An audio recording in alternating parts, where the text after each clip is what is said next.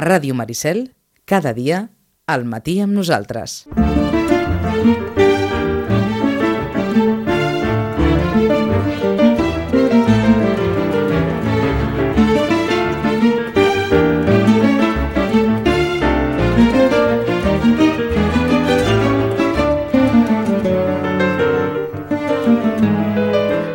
Quan queden poc més de dues setmanes per Sant Jordi, quan ja sabem que el Procicat ha avalat la proposta de Sant Jordi que ha presentat la Generalitat, el govern de la Generalitat, per tant, sembla que hi haurà diada, una diada per descomptat doncs, amb restriccions, amb matisos per aquesta eh, pandèmia, però hi haurà diada, hi haurà Sant Jordi i les llibreries plenes a vessar de llibres, dedueixo, intueixo. Rosana Lluc, molt bon dia. Hola, molt bon dia. Deveu estar mm, allò més rodejats de llibres que mai, eh? Més que mai. Pensa que jo crec que, que avui parlàvem amb un i li deia "És que em sembla que estem preparats per quatre Sant Jordis, no per un, sinó per quatre ja.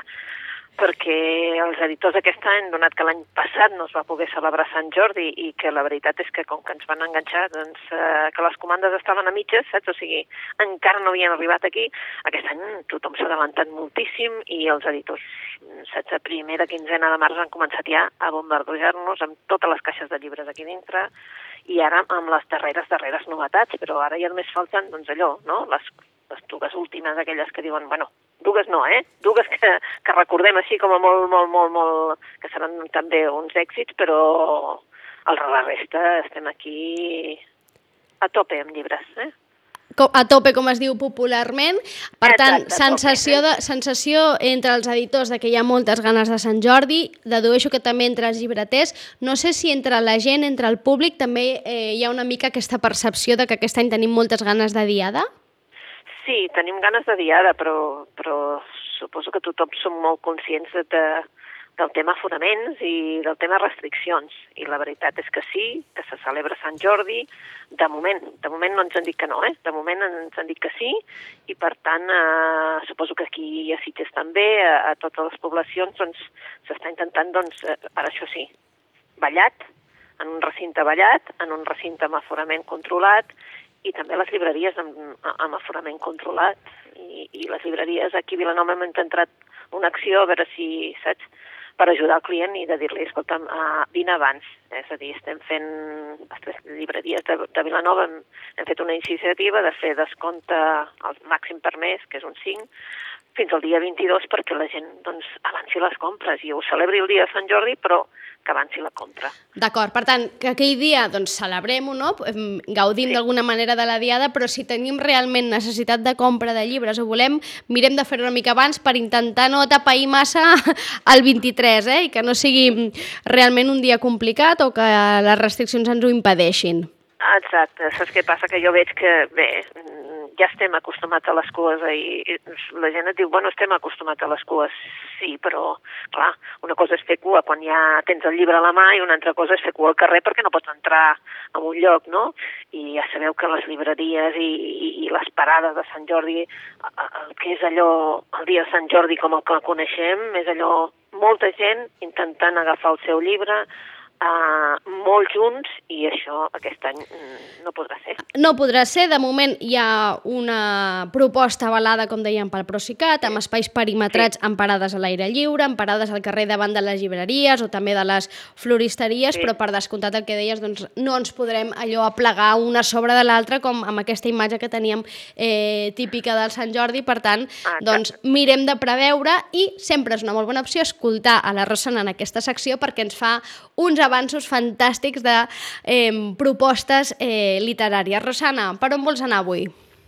No sé, pot, potser per, per una autora que ha sigut una mica així, sabeu, una mica allò que ha sigut portada de notícies per, per la seva traducció. Mm. Si recordeu, l'Amanda Gorman és la, la poeta que va, va inaugurar la investidura presidencial de la història del, dels Estats Units i, i és que Sí. Clar, eh? Doncs bé, la Gordon ja tenia eh, parlat amb, amb Editorial Lumen doncs, la seva traducció i llavors Editorial Lumen la publica en castellà i acaba de sortir, acaba de sortir La colina que ascendemos, un poema inaugural. Bé, és un llibre curtet, és un llibre primet, eh, ja sabeu que hi va haver el tema de que havia de ser segons qui, que es va posar pel mig, el tema de de, de, de qui seria la, tra els traductors, que havien de ser dones, que havien de ser... Sí. Bueno, tota una sèrie de condicionants. En aquest cas, Lumen ja, ja el tenia contractat el llibre, ja tenia contractat l'autora que, que, el, que el traduïa i acaba de sortir. O sigui, que és una possibilitat, aquell llibre que saps allò, un llibre que l'agafes amb una sola mà, que és petitet, que, que uh -huh. fa goig, llegir-lo perquè són els poemes. I si algú li va impactar, no?, doncs aquesta poetesa en aquest acte d'investidura del president Biden, que va ser, de fet, va ser un, de, de, una de les actuacions més comentades l'endemà, la de la, el recital no?, el, que va fer aquesta poetesa Amanda Gorban, doncs ara tindran l'oportunitat de llegir-la en castellà amb aquesta La colina que ascendemos. Exacte, en català haurem d'esperar. En eh? català haurem d'esperar. Què més, sí. Rosana?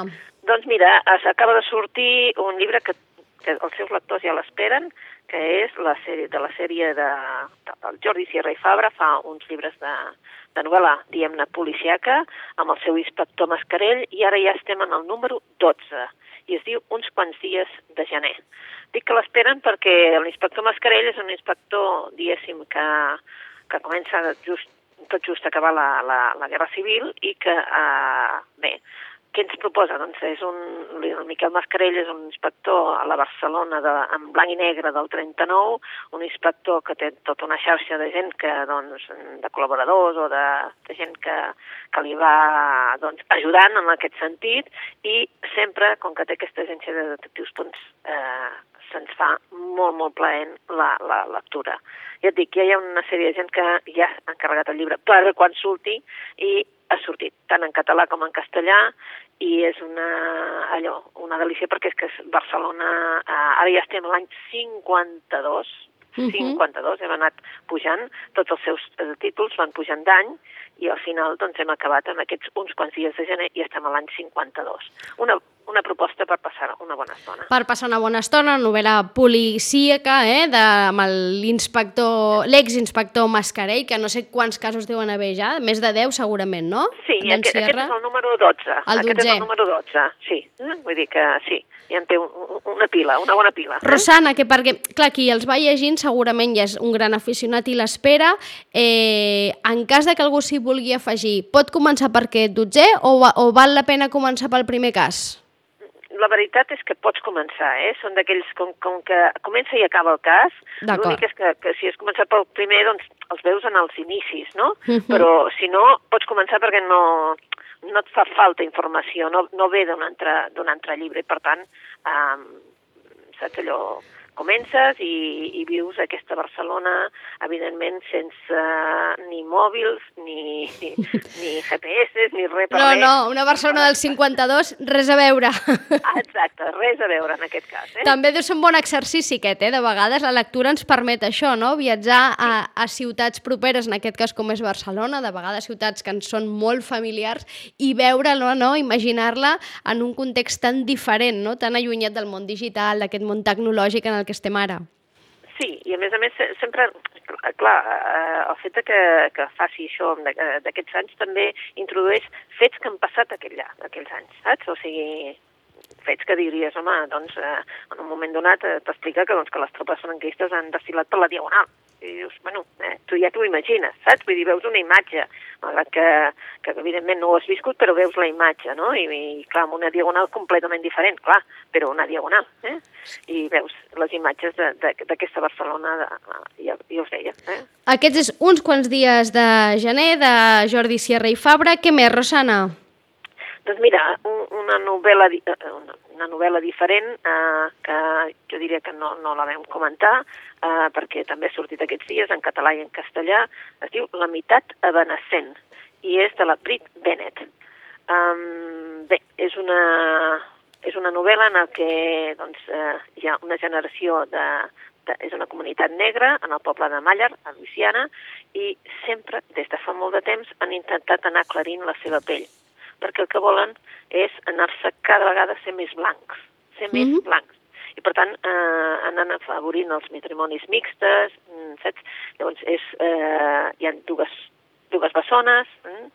la Desiree i l'Estela, que volen, que tenen aquests colors, saps? Eh, tenen el, el, el cabell ondulat sí, però ja tenen un color com a més Més de mulata, no? fosc, eh? Més No, clar, no, eh? sí. Exacte, més clar, eh? Uh, bé, van fugir d'aquest poble creient que podien escapar també de la seva sang. Eh? Uh, bé, és, uh, la Desiree llavors uh, ve acompanyada d'una nena, però negra, negra, i llavors uh, no sap res de la seva germana, han fugit, en- no sap res, i això fa que, que bé, han de renunciar als seus orígens per viure una vida com, com bueno, la seva germana ha renunciat als seus orígens, diguéssim, no? I és aquest, la meitat evanescent ens parla doncs d'això, no? D'aquest fet de no acceptar eh, el teu color de pell, de voler un altre tipus de vida, un altre tipus de... Saps? De no acceptar d'on venim, no? De no acceptar d'allà d'on venim. Uh -huh. d'allà d'on venim, exactament, sí. Eh? I, i, I, bueno, no sé, hi ha, és que hi ha tantes no- novel·les que ja no saps ni, ni per on te passar, Ni per eh? on- Però, per exemple, per exemple, acaba de sortir, eh, a, avui, Sí. avui mateix, avui di- dia 7, surt Transborda en Moscou, de l'Eduardo Mendoza. Hombre, Que, eh, sí, aquesta és una de les novel·les també esperades, eh? I tant. Però penseu que la setmana que ve entra també la del Jaume Cabré i Sí. la de la Maria Dueñas, la segona part de El tiempo entre costures, que es diu Cira, o sigui que són les dues novel·les també molt mal esperades, la del Jaume Cabré especialment. Eh? Clar, aquí ara l'Eduardo Mendoza, doncs què ens parla? Penseu que aquesta és la tercera part, o sigui que és la trilogia eh, que ha fet de el Rufo Batalla. Sí. Eh? I ara són les aventures del Rufo Batalla, que ara ja, bueno, eh, sembla doncs que, que, que està com a més amansat, etc perquè, és clar s'ha casat amb una, amb una dona rica, eh? però ell no aconsegueix oblidar el príncep Tulculo i, i, i a la seva dona, no? Bé, és, ens parla una altra vegada de la transició política espanyola, d'aquesta prosperitat econòmica que, que, que sembla que, que bueno, que, que és una bogeria, eh, cau el mur de Merlín, etc etc. O sigui, és una sèrie de- d'esdeveniments de, que passen, vale? però ell, doncs, eh, bueno, ens parla també una mica, és com una novel·la d'espies, eh? una novel·la d'espies, però per l'Eduardo Mendoza, eh? A més, aneu-se-la amb el Rufo com a protagonista. aquesta trilogia d'Eduardo Mendoza, Transbordo en Moscou, i ara parlaves també de Cabré, parlaves de, de Dolores Redondo. Clar, jo no sé si en, quan ens aproximem a un Sant Jordi la gent va a buscar real... O sigui, el que més va buscar són aquests grans noms, més enllà d'intentar descobrir, és a dir, no sé quina mica, una mica com és el perfil del, del comprador, no?, quan s'apropa Sant, Sant Jordi, si és més el de descobrir nous autors o el d'anar, diguem, anar allò segur i anar a buscar el gran autor o el gran escriptor que saps que, que encertaràs. Bueno, el Sant Jordi com el coneixíem, saps com Sí, el coneixíem, eh? sí. Tanta gent... Prepandèmia, eh? El Sant Jordi Ah, prepandèmia. Prepandèmia, per dir-ho d'alguna manera, prepandèmia, eh, esclar, el dia de Sant Jordi eh, poca gent ve a buscar, a remenar, etc perquè eh, evidentment hi ha una falta d'espai, no? I per tant el que van moltes, moltes vegades eh, és aquell llibre que han sentit o que, que s'han sentit als mitjans de comunicació o bé que ja durant uns dies han pensat, ah, mira, doncs ha sortit la novetat de... És igual, m'ho invento, eh? El Xavi Bosch. Mhm. Doncs mira, jo me'l compraré per Sant Jordi. Que també ha sortit, ara, exemple, no? ah, Recentment. També ha sortit, que també ha sortit i que, que, que, que és molt lleugera de llegir, que està molt bé, saps? Vull dir que, i que se, te l'empasses amb un tres i no res. Per tant... La dona de la seva vida, es diu, oi? La dona de És la que me l'han regalat, sí. me l'han regalat, el tinc a casa. l'han regalat, doncs mira, tu, al començament sembla una cosa i ja et diré, ja et dic que hi ha una sèrie de girs que vas fent a la novel·la que dius, ostres, i al final acabes allà que dius que sembla una novel·la també d'intriga, eh? Mhm. uh, bé, doncs el, el Mendoza també és un dels autors que també la gent ja demana la última del Mendoza, saps? Vull dir, jo crec que, que la gent va això. La gent que ve els dies abans remena més, és a dir, busca, mira, uh, um, vol assessorament, vol que estiguis per ells, vull dir, de dir, escolta'm, què podria llegir o tal, i, i llavors és, és un altre tipus de... saps? O sigui, són tipus diferents. O bé, el que ja ven tota la llisteta i que ja sap el que vol i va pam, pam, pam, pam, perquè ja s'ho mirat, saps? Queda clar. Mentrestant esteu rebent eh, vosaltres encara les darreres novetats. Deies ara que estem a punt de rebre la darrera de Cabré, també. Aquesta Sí. darrera de la, de la De Redondo, no, Dueñas. la Maria De la Maria Dueñas, perdona. Jo t'he dit la No, Redondo sí, i és la no. Maria Dueñas. Bueno, la Redonda també... També és una altra, fa, sí. Fa, fa mesos, però era la primera que havia escrit i per tant ha sortit amb una edició així com a de butxaca, eh? però era la primera que havia escrit. Uh -huh. I sí, sí, bueno, dic aquestes per dir moltes, però clar, també tenim doncs, eh, autors que no són novel·la, per exemple, la Mireia Rossic acaba de treure un llibre que es diu L'estela del mito i que són, doncs això, eh, mitologia. És un llibre sobre 12 figures femenines a l'antiguitat clàssica. Uh, vull dir, són 12 figures i llavors ells es explica, doncs, uh, per exemple, no? doncs les sirenes. I les sirenes, uh, i, i, i, i què és de curiós? Home, és curiós perquè la Mireia, com que és directora del, del Museu de Víctor Balaguer, doncs evidentment eh, t'explica amb il·lustracions de, de quadros, etc i, i t'ho fa molt amè quan seria un llibre que tu dius, home, en principi, no? No te compraries perquè dius, home, és un assaig sobre la mitologia, però la veritat és que ho fa molt i molt amè. Eh? I per tant, de llibres n'estan arribant, però a dojo, eh? Sense parar. No. Aquesta seria més una proposta, doncs, de caire més aviat local, eh? Aquesta de la Mireia Rossig, aquesta assaig... Bueno, està editat a Cairós, eh? O sigui, està... sí, seria, seria una autora local, però la veritat és que el projecte... Mm, veig que, que moltes llibreries l'estan venent, saps? Que no són de Vilanova, perquè hi ha poca cosa, saps? Eh, feta sobre mitologia i sobre, sobretot sobre les figures femenines. Uh -huh. Saps? Que, perquè, que... clar, que curiós, perquè d'altra banda són com personatges no? que, que, que, que diguem que són fàcils d'imaginar en, en fantasia, no? o en història, sí, o, en, però, o en invenció. Clar, saps? Vull dir que clar, tu, tu saps, eh, bueno, sí, Pandora, no? Pues, per exemple, el tercer capítol és Pandora. Clar, tu dius, bueno, eh, has sentit a parlar de Pandora? Sí, eh?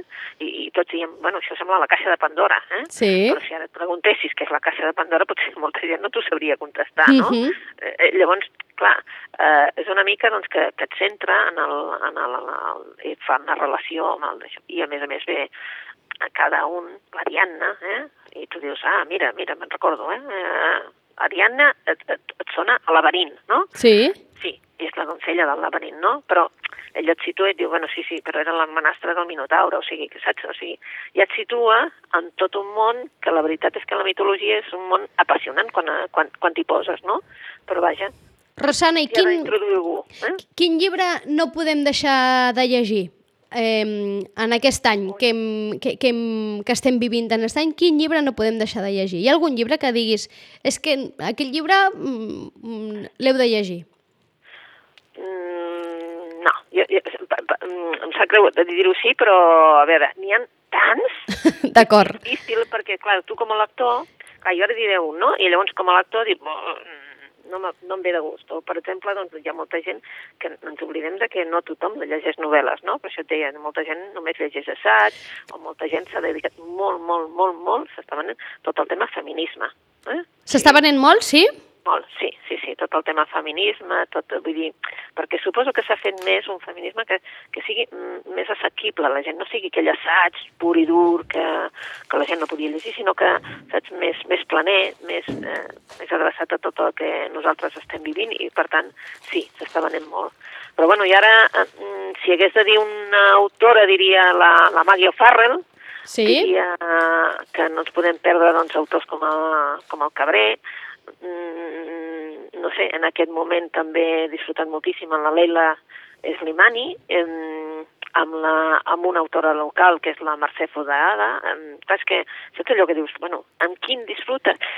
Ai, quin, és difícil, eh?, perquè en disfruto amb moltíssims. moltíssims. És molt difícil. Avui La Vanguardia parla de Karin Tuil, de, del seu llibre que s'ha traduït per primera vegada, eh, és un llibre sobre el consentiment sexual i la violació, les coses humanes, que s'ha traduït només al català, eh, que és un cas que també m'ha semblat curiós. De moment hi ha la traducció en català, les coses humanes, però en castellà ens haurem d'esperar.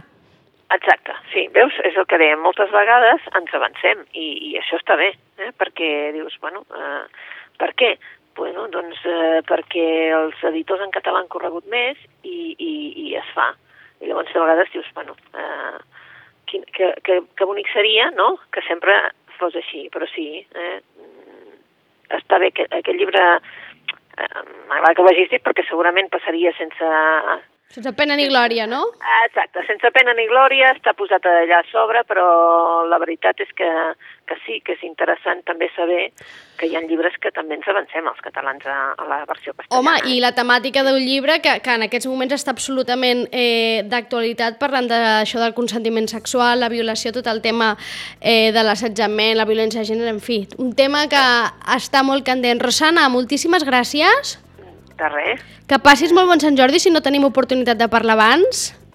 Exacte, igualment, i escolliu el llibre que, que, que vulgueu, eh, trieu i remeneu, si podeu, i si no, penseu que estem oberts tot l'any. Això també és veritat. Gràcies, Rosana. Moltes gràcies a vosaltres. Adéu-siau.